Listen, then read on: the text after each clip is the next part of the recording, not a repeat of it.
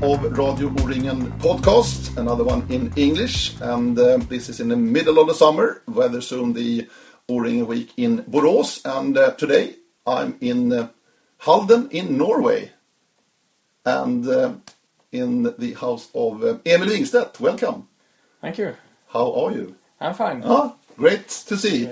And uh, we are in Norway and in Halden, and uh, Emil Wingstedt, the greatest sprint orienteer ever in the history. That's, it okay? uh, tha- that's your words. Uh, Yeah. the- now there are plenty of good uh, sprint runners. Um but w- when I was competing, then uh, I, it's fair to say that I was uh, was the best. Mhm. Yeah, the great record. We will come back to that. But now you are uh, 40 years old. Men 40 this year, Emil. Yeah, Yeah, a new class. yeah, a new class this year. And uh, half of your life you have spent it here in Norway, living in Norway. yeah, that's uh, correct. I moved when I was 20 to start uh, studying up in uh, Trondheim. Uh, I wanted to change the environment, and uh, at that time I didn't have any plans of of staying for 20 years. But then I enjoy it here, and have yeah, got a family, and uh, yeah, I'm probably going to stay here for for the rest of my life. But but what's your feelings? Are you half Norwegian, half Swedish, or are you Swedish, or what, what, what's your feeling? I'm still Swedish, uh, a Swede living in Norway. Okay. It's uh, fair to say, but uh, my children have a, bit of a problem uh, understanding that uh, they are uh, not only Swedish, they are Swedish and German citizens, but they they've only been living in Norway and only speak Norwegian. So that's a bit confusing for them. But you're living quite close to the Swedish border Yeah. in Halden.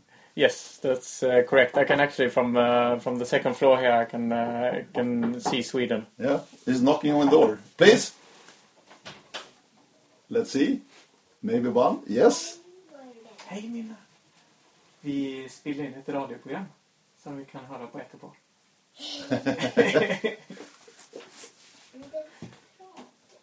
Ja, Ja. Kommer du fra? från Sverige. Ja, Ja. vi ska prata engelska. Det ska vi göra. Ja. För de som hör på radioprogrammet etterpå, de ska känna vad vi snackar om.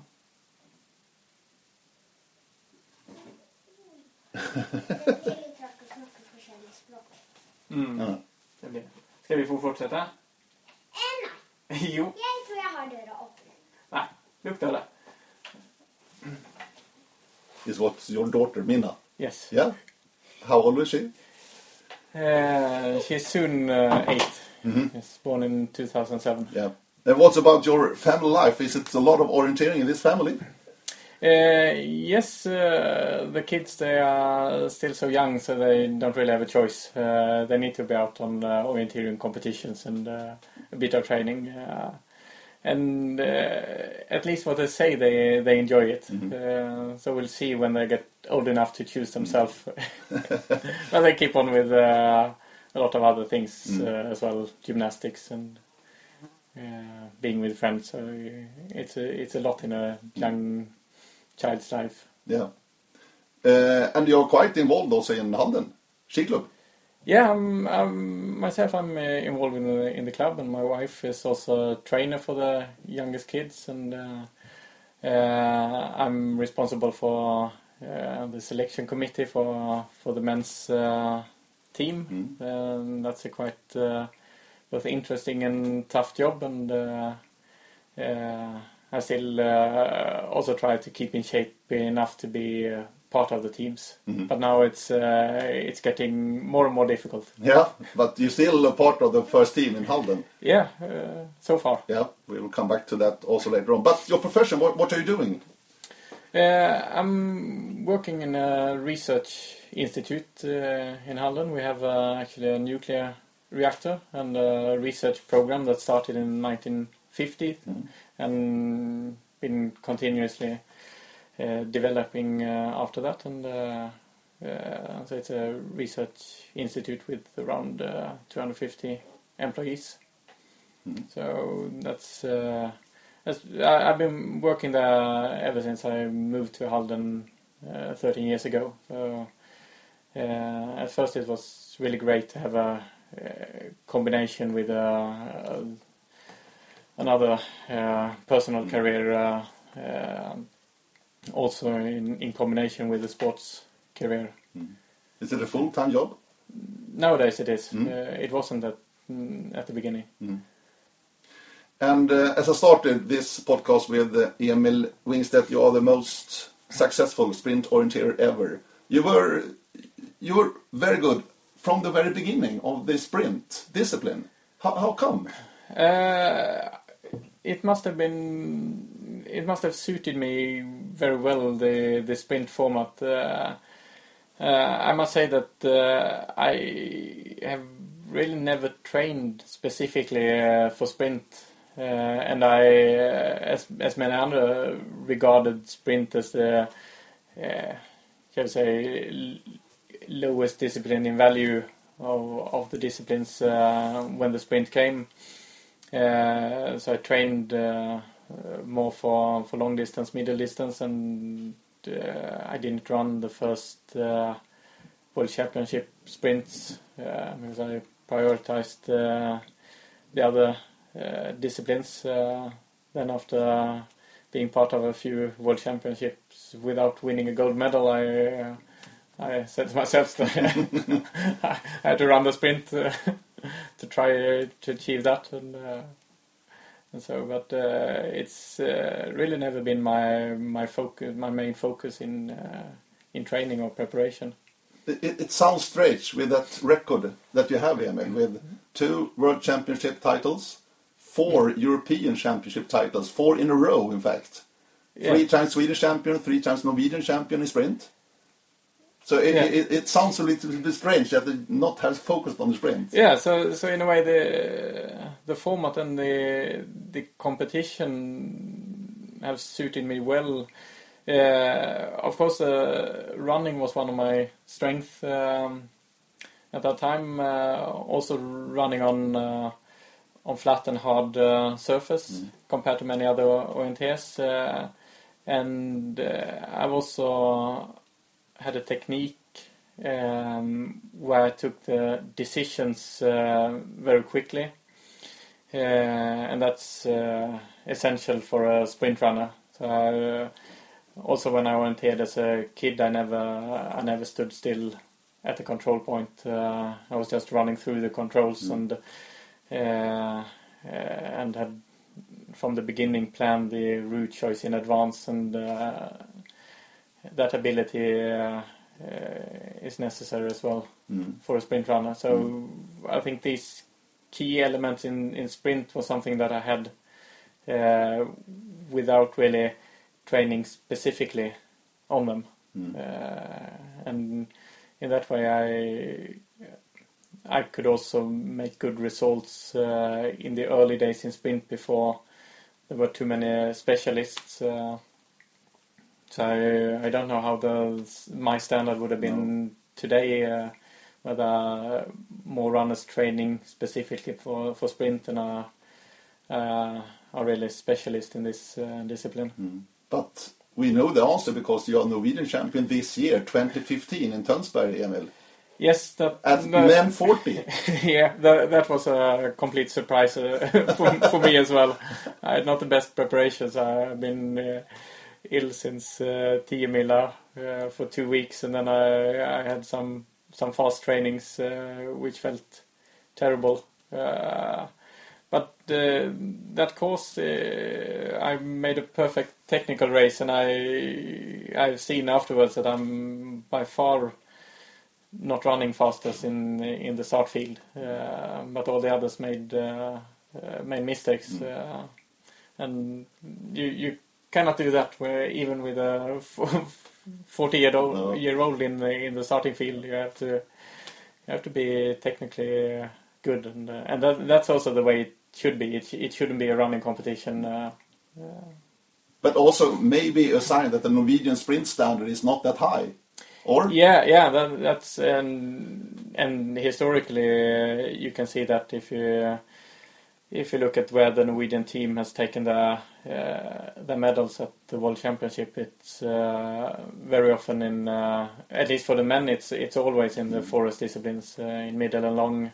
The women has, uh, has taken some medals, and also Margrethe has taken a gold medal in in sprint. So, uh, so for the women, it's uh, it's a bit different. Uh, their standard is is higher Mm. internationally than than the men's. Um, but on the on the good side, uh, as I'm a trainer for for the Norwegian national team, uh, I must say that we have some young runners that uh, that are promising, and so, I, so I believe that we in a in a few years' time we'll see Norwegian sprinters as well in top internationally. Mm. But is it more difficult, do you think, here in Norway to attract the orienteers to maybe focus more on, on sprint than the forest disciplines? Is it different in Norway, do you think? Uh, it maybe the uh, to be a good orienteer in Norway, you have to be good in technical forest terrain. Uh, you have to be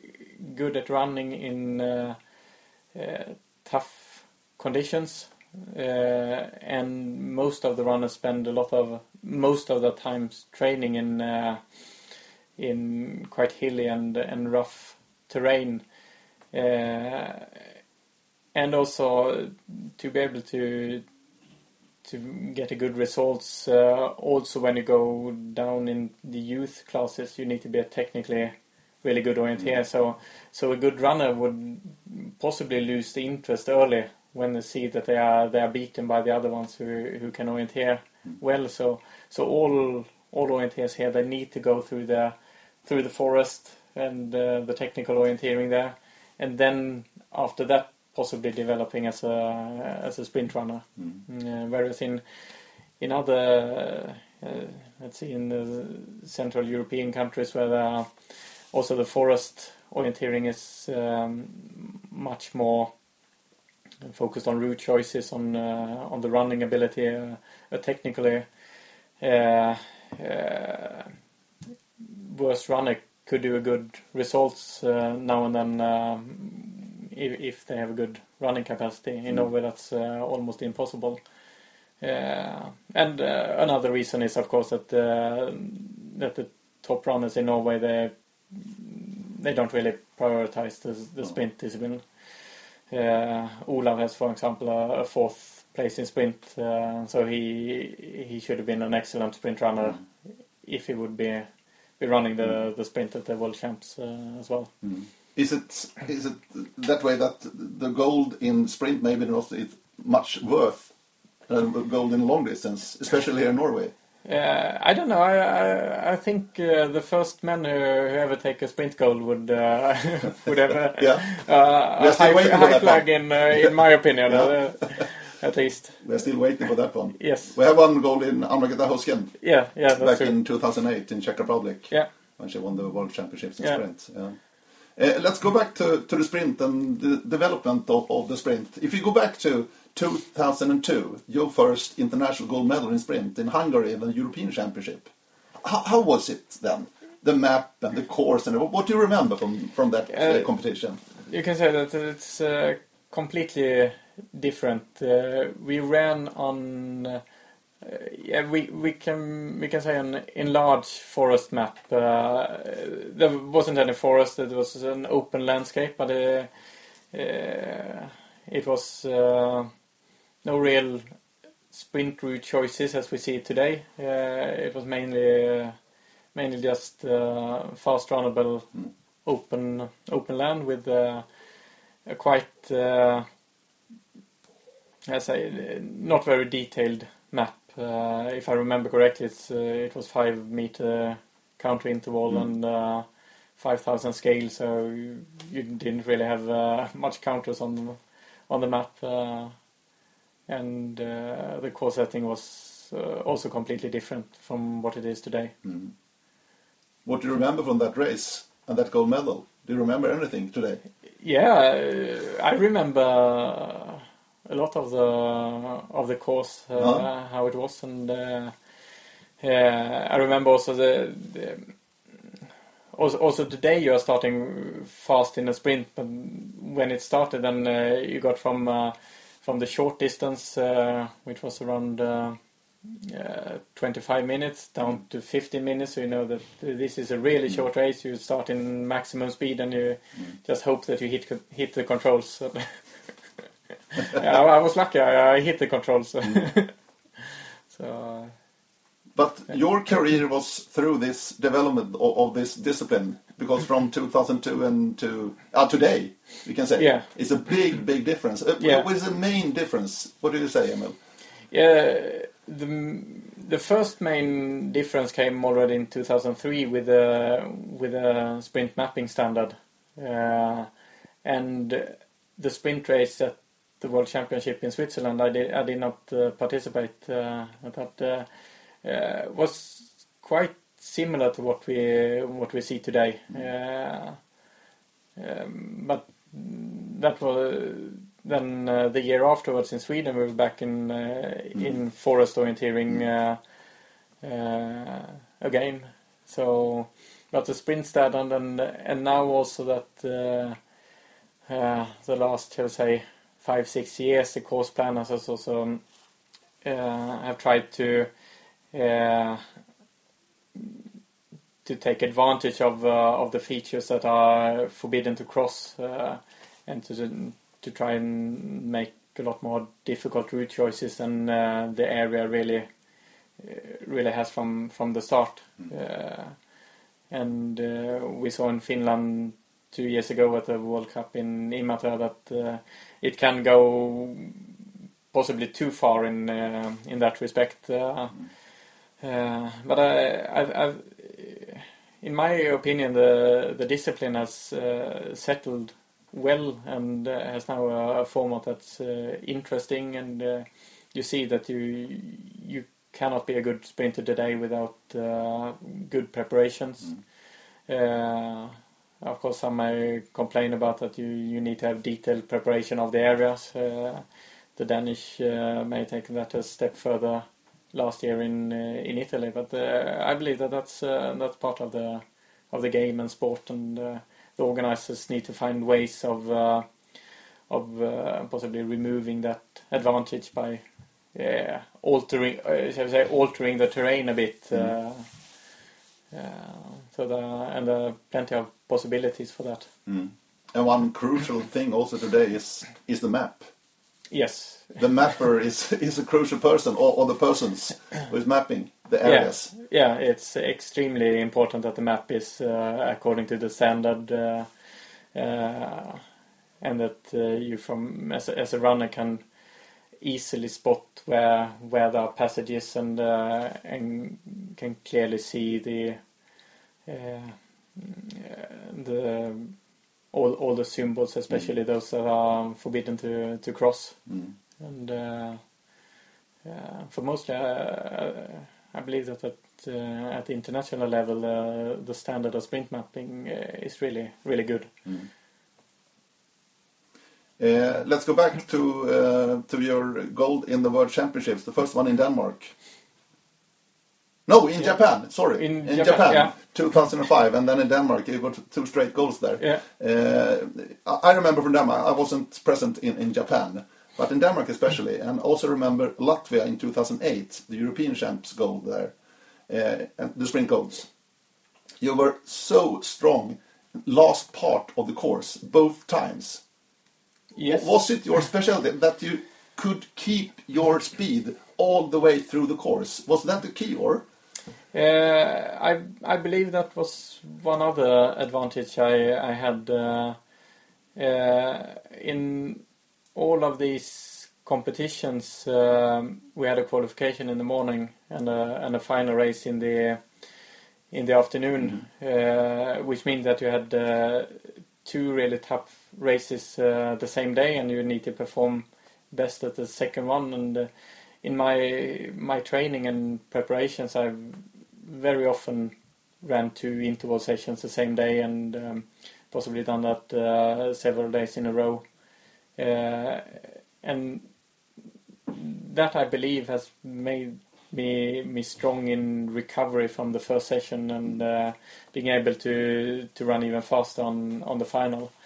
Uh, and also another advantage was that um, I knew that I had a, a, level that I did not need to go maximum in the qualification, uh, so I could relax a bit there and save some energy for for the final. Uh, if you're a runner that that has a aim to get into the final, then you may may run maximum in the qualification and uh, uh, use up a lot of of the energy. Mm. Because, uh, because, I remember both of these finals very very well. Uh, with both times, it was passage very close to the arena or in in the arena, and you were some seconds back at both times, and you turn it. Yeah. In the end.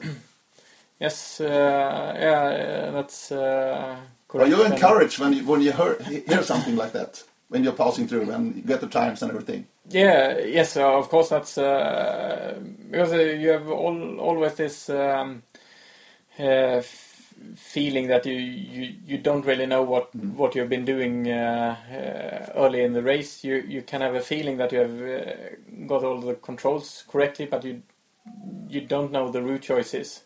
Uh, if there are route choices, you you pick an alternative, uh, uh, but you don't know if it's the best. So mm. so it's difficult to to know mm. the standings during a race.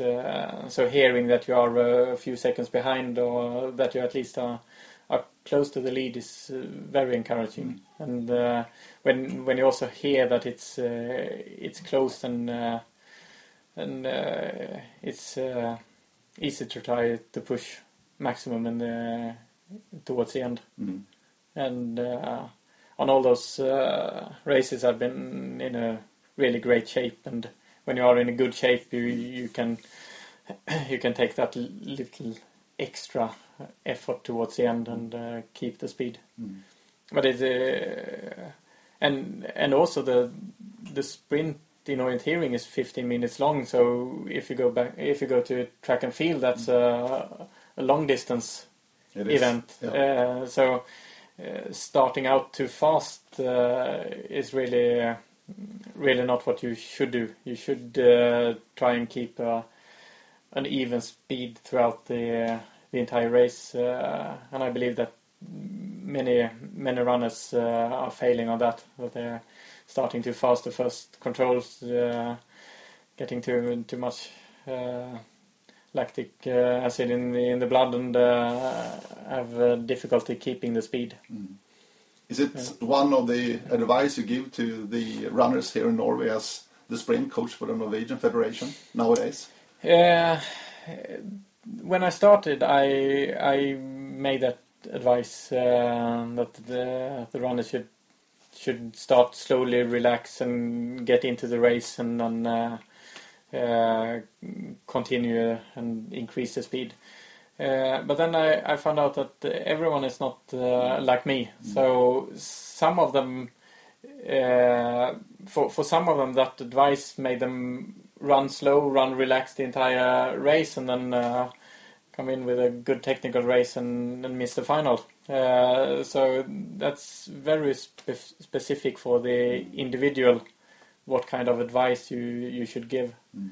Uh, some need to be relaxed, some need to be pushed, and uh, that's something that uh, that I find very difficult now uh, as as uh, as a coach mm. to really know what what kind of words you should say to a runner or what kind of advice. And the other other technical advice that you, you could could give, but actually that how how fast or slow runner should uh, should start. That's uh, that needs to be uh, really individual for, yeah, for each yeah, runner. But they should listen to you because you are still beating them. Yes, uh, apparently they have they haven't been listening enough. No. so it, it's also difficult to gain uh, respect uh, by the runners. Of course, but I'm, I'm, I'm trying as good as I can by beating them in competition, and finally, I I hope that they are they are starting to listen among all these goals you have won, Emil, is it one you are more proud of than other than, than any other? Uh, not, not really. I Uh, I believe that I, I wouldn't have picked one. I I think the my main achievement is to to keep a good level uh, over many years. Uh, uh, win, as I said, four consecutive uh, European champs goal with two years uh, in between those. Uh, that I see as a great achievement. we see now Jonas Leandersson has started on a on a similar series. Yes. Came, coming halfway. Mm. So I hope that he can uh, he mm. can continue and, and beat that. Uh, but, uh, uh to have a high uh, high standard on almost every race in the discipline, where you generally say that it's uh, a bit coincident and and yeah, that there are very very tight margins. And that I believe is mm. is the main achievement I, mm. I made. When you look back at your career, maybe it's not over yet because of the Norwegian Championship this year. But anyway, are, are, you, are you feeling any, any form of uh, disappointment that you didn't win a big long distance title or middle distance title? Yes, uh, of course. Uh, that's uh, perhaps what uh, the curse of being an uh, orienteer that uh, you can always do better in mm. all races. So so of course I I can look back at the at the races I've done uh, uh, in both long and middle distance and see where I've uh, uh lost some some time mm. and. Uh, uh, those races are actually hold, holding on more in my mind than than the races I won. so mm. so are a lot of races where I would have liked to run run better. Mm. And and analyzing afterwards, you see also what what you could have done uh, differently. Mm. So so I would uh, really have enjoyed uh, also having a great uh, title in uh, in long distance or, or middle distance. Mm. But you have a relay World Championship gold from 2003 in Switzerland. Yeah. It's not that often that Sweden win the uh, men's class in the no. relay. it's uh, very very seldom. So I, I, was really happy that uh, the boys made it uh, last year in in Italy mm. Because that's that was difficult. Also difficult before I started running in the 80s when the Norwegians took everything mm. and then then the Swiss guys took over over that and um, so Swedish team. Um, I've been uh, struggling uh, a lot with uh, with the relay, uh, so I'm very happy that we uh, we took one one at least, mm. even though we had the possibility of, of taking more also during my my time. Mm. Very soon we will talk about the international training, the program, and maybe a new format. But first of all, back to the sprint. What, what do you see in the future about the sprint discipline? What, what do you think will happen the upcoming years?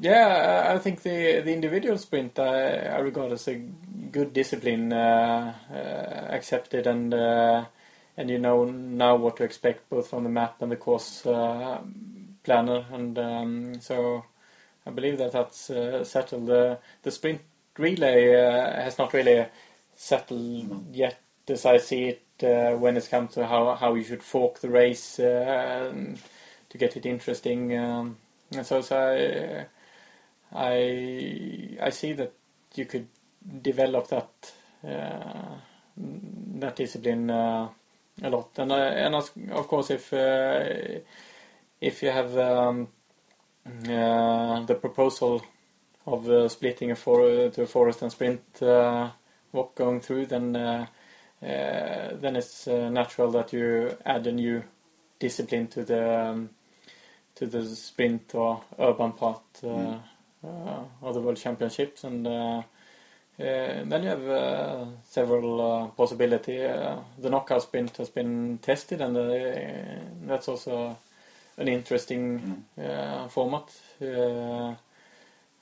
mass start would be difficult, I I believe, if you have a, a large large mm. starting field. Uh, uh, but uh, it could be tested well, and um, and also also some some kind of chasing start would uh, would be possible. So mm. so that can be interesting uh, times for, for sprint runners uh, Mm. if uh, that proposal uh, is going through. Mm.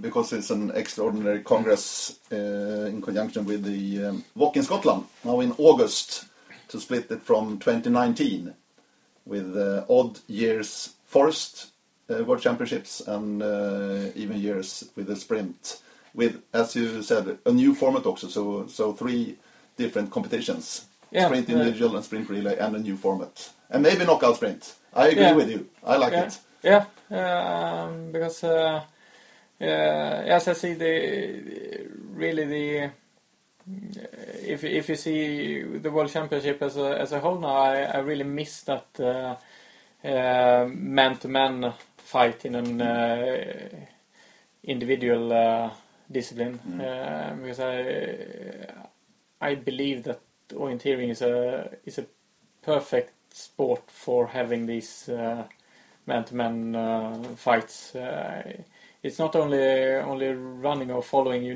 you need to be good orienteer and uh, and there are several different possibilities of uh, of uh, attacking and uh, uh, deciding the race. Uh, so I really miss that in in the World Championship program, and um, hopefully that that could also be a new forest discipline uh, mm, with uh, splitting the the WOC.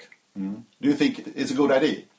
Yeah, yeah, To split it? yeah. I, I believe so. I, I haven't really been thinking about the the consequences uh, uh, in in terms of uh, of uh, the World Championship being difficult to understand, where you have some discipline one year and some other disciplines uh, uh, the other years, and um, possibly some specialist uh, uh, will feel that it's uh, it's difficult to to motivate themselves uh, during the years where their specialty is not on the World Championship program.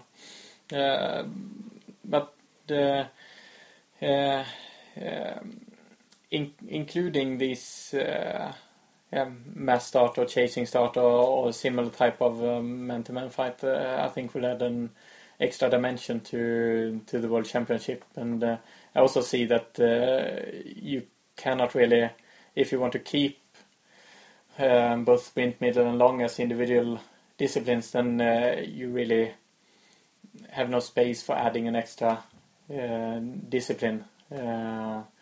Already as uh, as it is today, it's difficult for the runners to compete on all all events, and if you add an uh, other one, you will uh, split the starting fields even more, and uh, you will always have uh, events where you lack possible favorites uh, if you add more. But splitting them uh, would uh, would really create the possibility of uh, of having a, a man-to-man uh, event. Uh, Emil, for some years you were a member of the Athletes Commission in the IOF. Uh, what what did you do there? What, what were you talking about with the Foot-O Commission and the IOF Council and such? Uh, yeah, I we we got some proposals, so we were uh, used as a reference group for both uh, Foot-O and the sports director, uh, and also the the council. Uh, then I was present in uh, in several of these uh, working groups. Uh, uh, it must have been yeah up towards the Congress in 2010, uh, uh, where the working group, uh, which actually had the task of implementing one mass start event into the program.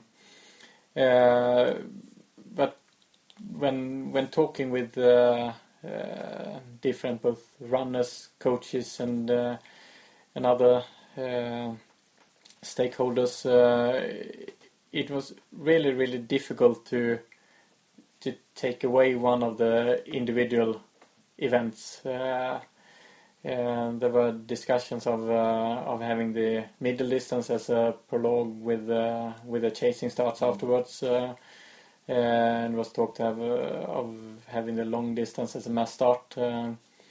But there were very many or, or large resistance against removing one of the individual competitions, uh, uh, and uh, adding one uh, was also making it uh, uh, really difficult. So we never came up with a with a good suggestion. Uh, But what does it say about the elite orienteers and the coaches and maybe the orienteers? Are are we? I can say we. Are we for, too conservative? Or Uh, in a way, I I believe so. Uh, I I could have uh, stood behind both uh, the solutions of making the middle distance for uh, with a prologue and, and chasing start. I uh, I believe that that uh, that would have been a great event uh, to watch and also to to run and.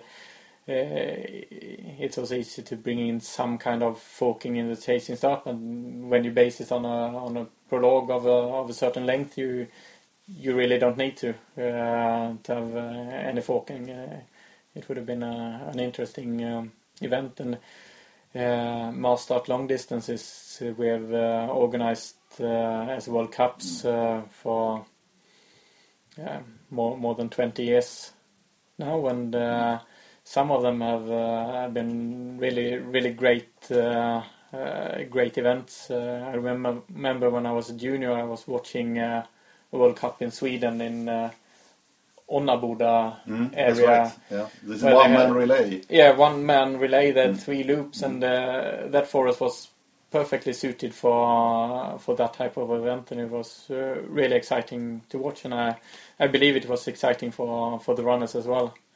Uh, they couldn't really do much uh, following without uh, being really careful of of their own forking. Uh, of course, there, there have been other mm, tries as well uh, with an ultra long distance in in Idre where without any forking and uh, uh, quite boring event. Uh, I, I wasn't participating, but I, I would believe that Mhm. You, know you can follow the others, and uh, and that's uh, that's a bit boring to do for two and a half hours, Mhm. uh, and then uh, decide it in a in a sprint finish. Mm.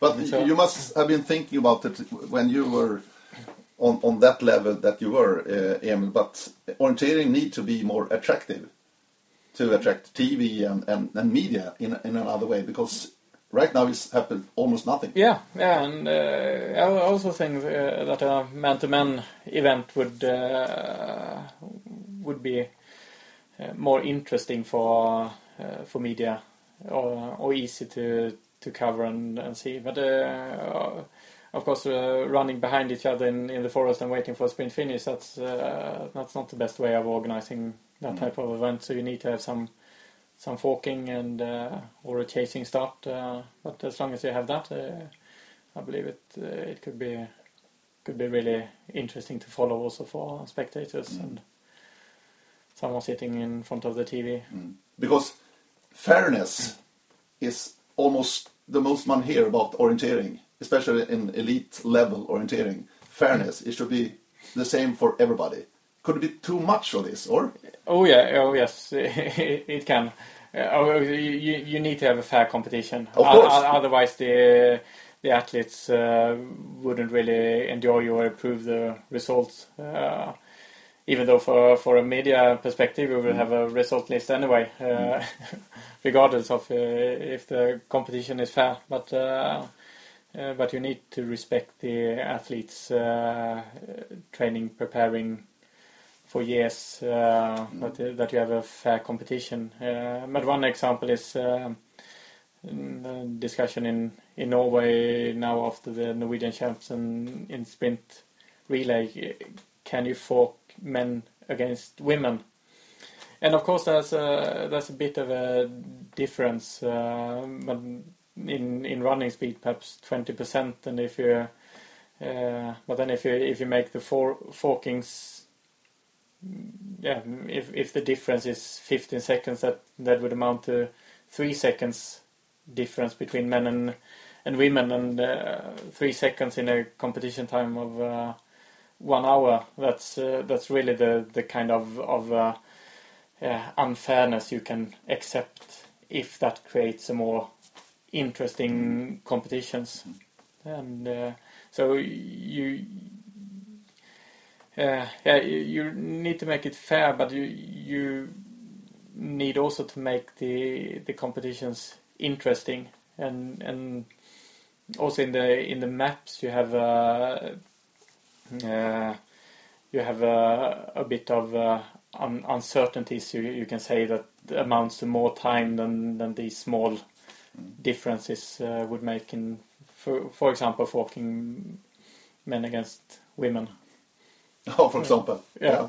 Or in uh, Tiomila Jukkolika for folk a day day leg with a night leg. Yeah, that's another other time. So, and really the biggest unfairness in in this respect is if you if you have two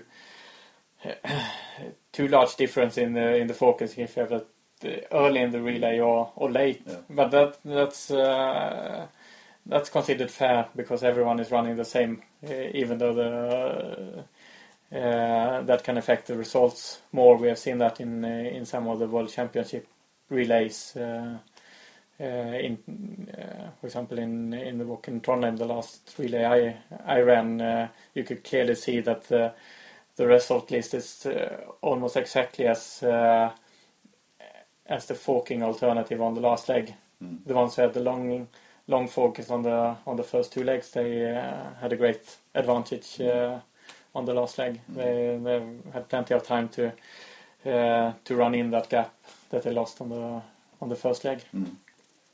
But but what do you think about the future for, for the forest disciplines I talked about? You were talking about mass start and chasing stars maybe, but now in this uh, this proposal for the Congress, the, the extra co- Congress, is not such any proposal. For the forest WOC in the future, it will be a long distance and a middle distance. Yeah, then uh, then I believe that you would uh, you would miss the opportunity of uh, adding some really extra value to the World Championship if you uh, if you keep the three uh, disciplines as as today. Uh, we are used nowadays to to hand out five gold medals at the World Championship every year, and of course you can argue that that's uh, too much. But if you if you just split them and without adding anything extra, you go back to three uh, medals um, each year. Each year, So so I believe you have the possibility of uh, adding a fourth one for the forest and uh, and create an interesting uh, event. Mm. And one other thing that I I hope we get back is the qualification races uh, in the forest uh, disciplines. Um, yes, I when when we speak about fairness, I, I believe that the the federation league table as we have today is uh, is one of the uh, most unfair uh, un- unfair parts we we have today. Uh, it's really difficult for a small nation that may happen to have uh, two or three good runners to to get from the um bottom bottom part with uh, just one uh, one run uh, present uh, to get up to all three getting to start. Uh, so So will go, go back to the to the old system.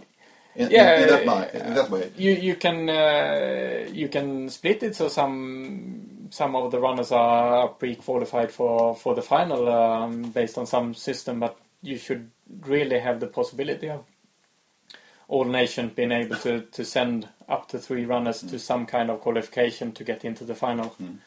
uh, without having that based on. uh, Previous WOCs. Uh, I mean, if you do qualify a relay team that may uh, may result in you uh, losing runners for the for the next uh, not only one but also two uh, for the next two WOCs and uh, that's uh, uh, that's quite unfair Mm. uh, if you're on the border between um, uh, one of the divisions. Uh, So, so the world ranking, which is the system right now to, to get into the to the It, it's world based on the on the world previous world champs uh, Yeah. results, uh, not the world ranking. World ranking would have been a bit better because then uh, federation could send runners to to world ranking events and and get points, and in in that respect increase the the standard and go up a division. Uh, but I, I, I believe the the most fair system is to have some some kind of qualification before. Uh, you can have it some some days before, so it won't affect the actual final, and some runners can be pre-qualified, or some some nations can have a certain number of runners pre-qualified for the final. Uh, but still, uh, the possibility of sending a full team, uh, I think, uh, should be there for for all all nations. Mm. I know that uh, every, uh, not everybody, but many agree with you in these thoughts. I've talked to, uh, for example, the Italian coach Jaroslav Kaczmarczyk. He doesn't like the system at all right now. No, uh, and and He's talking uh, about just like you do. Yeah, uh, and it's uh, if you are in the second or third division and and you have a, a strong junior team, then uh, they can have to fight for many many years to even get a, a chance to run a uh, a forest discipline. Uh, Mm. Ve- Very, very So- interesting. Um, uh, let's talk about uh, relays also, because you have won both Tiomila and Jukola several times with Yeah. uh, Halden Ski Club. What, what do you remember the most from, from all these wins? I, I wrote there five times Tiomila winner and three times Jukola. Correct? Yeah, I think so. Yeah, yeah, it, it seems uh, uh, correct. And I remember 2003 in Kungsör. Yeah, Yeah, it was Kungsör. Uh, it was the first year for you in Halden, yeah. and you ran the last leg. Yes, that, that's uh, correct. And um, we we had created a quite big uh, gap on uh, I don't remember which legs, but uh, those uh, late night legs. Uh, So we had a quite confident uh, lead. Uh, the biggest problem I had that time was really that the sun didn't go up as I or that the let's say the. The, the, the early runners were Yeah. running fast. Yeah. I uh, just a few minutes before I I should run out, I had to go to the tent and uh, and get a, a head torch, which which wasn't that easy to, No. to get, but I, I managed and uh, I was in time for my changeover. I remember Yuri Omeltchenko running for OK Orion. He, he hates to run night orienteering, and he was with his headlamp heading out on his leg. I think it was second last leg. Yeah, yeah, that's true. uh, and I remember him. Uh, I heard that he said that uh, you should have a good look at me now because this is the only time you see that hat torch. Yeah. Yeah, but he, he was actually running alone and doing a great time on, That's on right, that uh, right. leg. So I believe that he he would also have been a, a great uh, night runner, not not only in day and sprint orienteer as he as he was. But how, how, how were you in these situations? Were you nervous in this kind of, of uh, anchor leg, the last leg for Halden? No, no, uh, not not really. Uh, um, not when I had as uh, as confident lead as I as I had, and and when I was in a in a good shape. Um, I also remember that I thought I had a confident lead in Jukola in 2009, uh, but then I wasn't in, in top shape, and uh, and remember that I, I started to get uh, tired in the race, and then then I got really nervous and, and didn't really understand what what was happening because uh, I thought I should, should just be be running through that that course, and uh, uh, eventually I got passed by both uh, Thierry and uh, Daniel Hubmann. So. Mm. Uh, so I've had uh, also my share of uh, of bad experience on the, on the last leg. Yeah.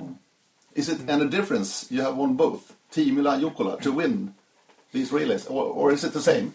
Uh, For for me, I, I rank them uh, the same. Uh, of course, Tiomila is also always um, hanging high uh, as a Swede, uh, but I believe that uh, uh, Jukola is uh, so well organized, and um you always get challenging courses. Uh, I'm very often or very often. I, I've, I've I've been disappointed after Tiomila uh, some years with both mapping standard and uh, uh, most often with uh, with how how they've forked the relay. Mm. If you look in uh, at Jukola, they the relay is well forked, so you know that the team winning has uh, has been doing their own orienteering and the uh, whereas in in Tiomila, you you don't know when you when you start the email if it's going to be um, uh, a relay with um, just a few uh, few forkings. Uh, yeah, as we as we said, saw this year, the last was it uh, 30 kilometers of the men's race was basically unforked, uh, apart from one small butterfly on the last leg, Mm. and and for me it's more more interesting to watch the race if I know that there are forkings. I know that here the the runners need to be be doing their own individual orienteering, or else they will be be lost. Uh, than just seeing that okay they are running together and uh, um, most of the orienteers running the last leg in top teams they have the physical standard to to follow each other. Mhm. So then you then you know that you just need to wait for the sprint finish. I also remember the last leg in uh, 2008 when I ran with uh, uh, Daniel and Mikael Smola, and we went out at the same time, and it was an unforked long distance Mm. leg, and uh, yeah, there was nothing really to do uh, but wait for the For for the the sprint. sprint, finish, and Yeah. that's boring both for us and uh, and the spectators. spectators, we, yeah. we could have had a, a short distance instead. Mm, yeah. Would have- And have- Daniel Hubmann in Kristiansand won that year yeah, in Rosersberg, north of Stockholm. Uh, Radio O-ringen podcast with Emil Wingstedt. And now we will end up this with O-ringen, Emil. Ten years ago, you won in Småland, your home county in Sweden. yes, It was a great week for you. Yeah, that uh, that was a really really great week, and uh, I'd been participating in O-ringen uh, many times before in the elite class, but never been able to be in uh, be in top. Uh, uh, and some of the years I'd not been running uh, uh, due to focusing on other competitions and uh, and so. But at that year, I I really wanted to run run well and managed to get in a in a good shape, shape and and the terrain of course suited me perfectly when it was held in my home county.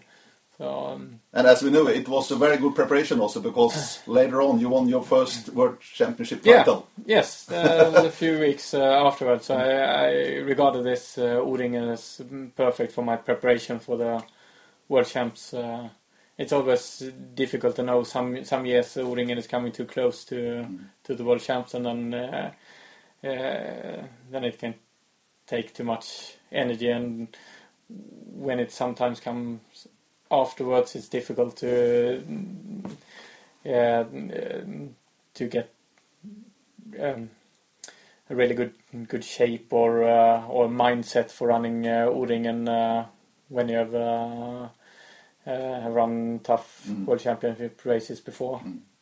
But nowadays, as a family father, what is O-ringen nowadays for you and your family? Uh, it's uh, it's really getting back where where it started for me. Uh, it started by uh, uh, staying in tent uh, at the great camping site, Yeah, Uh, running my my youth uh, courses, and now I'm uh, I'm back in the tent or caravan uh, at the, at the camping site